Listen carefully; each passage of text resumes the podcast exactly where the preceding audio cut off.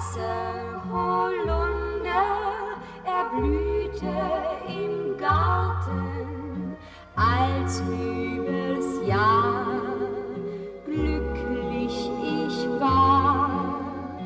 Er sagt zum Abschied, ich soll auch. Una ciudad con herencia romana y con mucho encanto. Les hablamos de una ciudad alemana, la más antigua, un lugar con muchos tesoros de arte antiguo y monumentos arquitectónicos.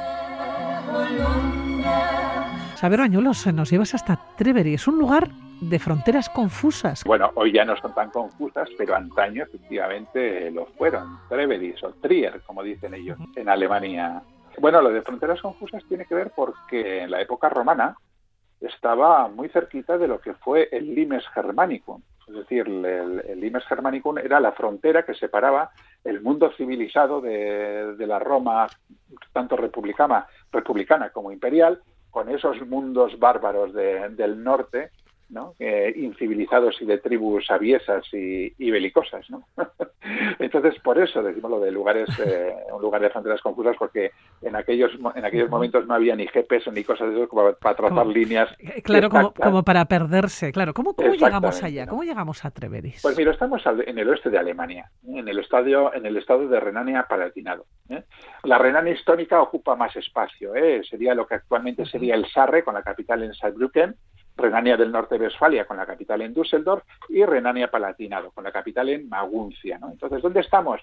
Estamos, como digo, al oeste de Alemania, en un lugar donde se mezclan las fronteras entre Alemania, Francia, Bélgica, Luxemburgo, todo anda por ahí, ¿no? En, eh, pero bueno, para situarnos un poquito más concretamente, estamos al sur del valle del Mosela, un valle precioso, por cierto, ¿eh? que, que- que comienza eh, un poquito al oeste de, de Treveris y va siguiendo el río Mosela hasta Coblenza, que es donde desemboca en el Rin.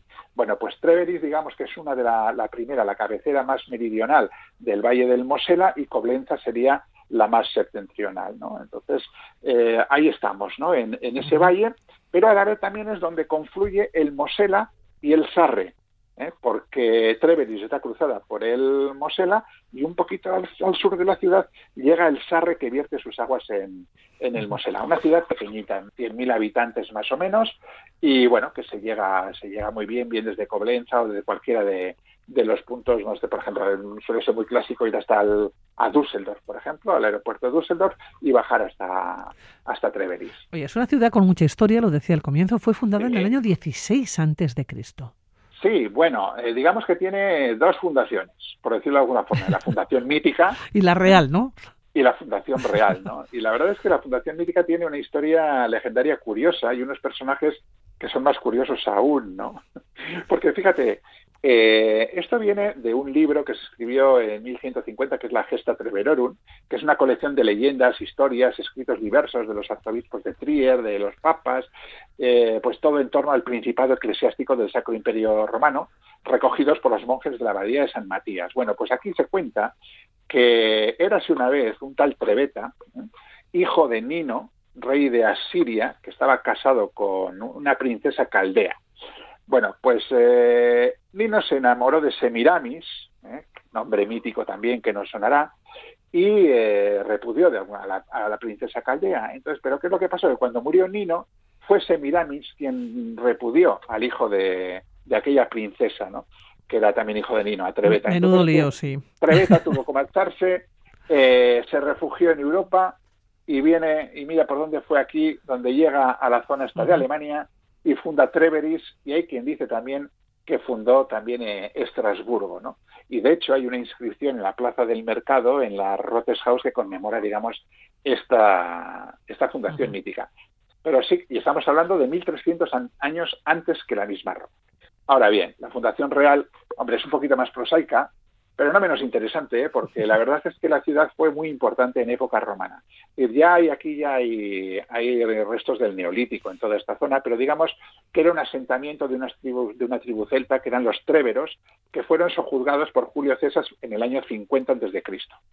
Pero que es cuando adquiere realmente relevancia, pues a partir del año 16, porque eh, que es cuando ya empieza la época imperial romana, porque Augusto funda aquí una colonia, funda una ciudad que es Augusta Treverorum y la hace capital de la Galia Bélgica. ¿eh? Y por eso es la primera ciudad de, Alemania.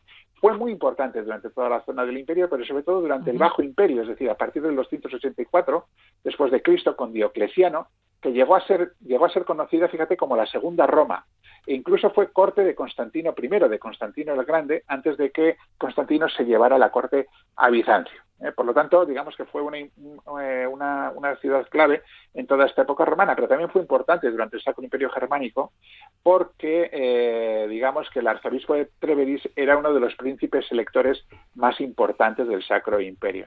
Bueno, luego ya después, bueno, cambio de manos en muchas ocasiones, como ocurrió en toda esta zona entre el siglo XVII y el siglo XIX, hasta que en 1818 ya se incorpora al reino de Prusia y de ahí forma parte ya de Alemania después de la unificación. Claro, y así nos encontramos un lugar, decíamos al comienzo, con muchos tesoros de arte antiguo y monumentos arquitectónicos. Nosotros vamos a situarnos ya allá, vamos a situarnos en Treveris, eh, que es lo primero que tenemos que ver, porque mm, si buscamos información, enseguida nos sale Porta Negra. Claro, evidentemente. Eh, hay que decir que todos los restos romanos de Treviso están también considerados patrimonio de la humanidad. ¿eh? Es decir, que no, no nos olvidemos, y eso es por la importancia que tiene. Efectivamente, la Porta Negra.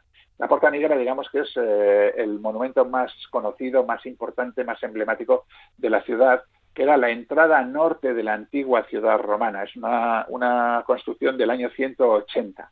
Y es, hombre, es característica por su color negro, que es un color negro pues derivado del paso de los tiempos. Es una pátina realmente que ha ido dejando eh, el tiempo, no porque la piedra sea de, ese color, pero le da una, un aspecto entre tétrico y solemne, ¿no? Además allí plantada sola, ¿no? Y la verdad es que es, eh, es muy, muy impactante, ¿no?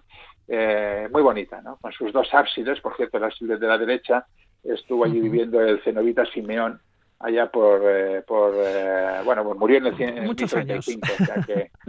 sí. Luego, otro de los elementos importantes es el anfiteatro. Un anfiteatro muy bonito, eh, no por grande, aunque ya cabían 30.000 espectadores, que, que se dice pronto, pero vamos, no, no, no vamos a hablar de, del gran anfiteatro de Roma, ¿no? Es más, más modesto, pero es muy bonito con su forma elíptica, aprovechando además el terreno, está encastrado allí en una pequeña colina y tiene algo también muy chulo y es que se puede ver por debajo de, de la arena, ¿eh? todo lo que eran los subsuelos de, del anfiteatro. Luego fíjate si lo importante que llegó a tener, digo la ciudad, que llegó a tener hasta cuatro zonas termales.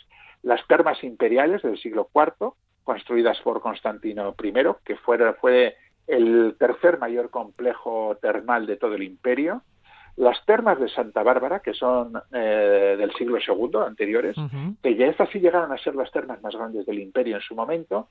Eh, y luego están las termas del Foro, de los siglos III y IV, que hoy, hoy en día eh, es curioso porque están protegidas por un cubo acristalado, obra del arquitecto Oscar Matías Ungers. Entonces tú entras dentro y ahí están las, las termas conservadas. ¿no? Luego tenemos otro elemento fantástico que es el aula palatina, eh, también se conocida como Basílica de, Constantino del siglo IV, que era lo que era el Salón del Trono Imperial, ¿no?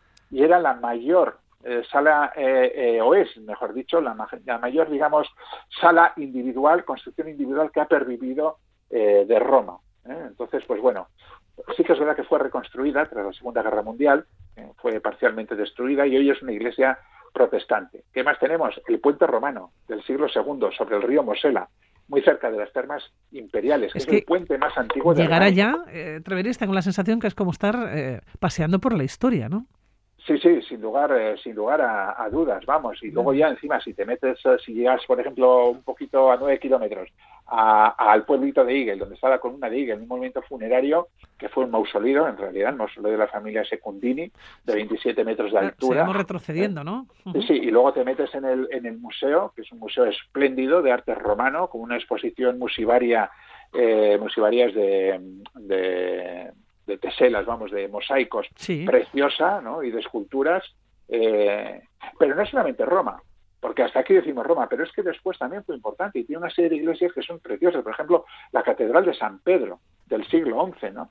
Que es la iglesia nuevamente más antigua de, Alemania. ¿no? Sí. Exactamente, que fue iniciada por Santa Elena, la madre de, Constantino, y está construida sobre los restos de un antiguo palacio imperial, del antiguo palacio imperial de, Constantino, y fue el mayor templo de la cristiandad en el siglo IV, que era cuatro veces, se, estima que era cuatro veces mayor que el actual. ¿no? Y además allí es una zona de peregrinación porque eh, está la santa túnica más famosa, es decir, la, una túnica de Cristo, ¿no? que es la túnica que llevaba Cristo cuando le crucificaron. Llegar allá es todo un peregrinaje, ¿eh? ¿Eh? que es todo un peregrinaje ¿eh? por, por, por la historia, porque nos vamos a encontrar además con diferentes épocas ¿no? y con distintos años. Hay un punto que me llama la atención por las imágenes ¿eh? que estoy viendo y es la plaza del mercado. Es una plaza, mm, yo creo, no sé, no sé cómo denominarla, ¿no? Pero muy coqueta. Sí, sí, es muy coqueta, que invita desde luego a pasear y a disfrutar del sitio, ¿no? Del, momento, ¿no? Porque todo ese centro, todo es la plaza del mercado, digamos que es el centro neurálgico de, de, Trier, ¿no? Del, del casco histórico de Trier. Y todo lo de alrededor es peatonal, o sea, la plaza y todas las calles de alrededor, la Simeonestrasse, eh, Brostrasse, eh, eh, Negelstrasse, o sea, que confluyen todas en, la zona de la playa, es todo un conjunto peatonal, con lo cual es una auténtica gozada. Es una auténtica gozada porque puedes eh, pasear, disfrutar y con esa arquitectura, como digo, de cuento, ¿no?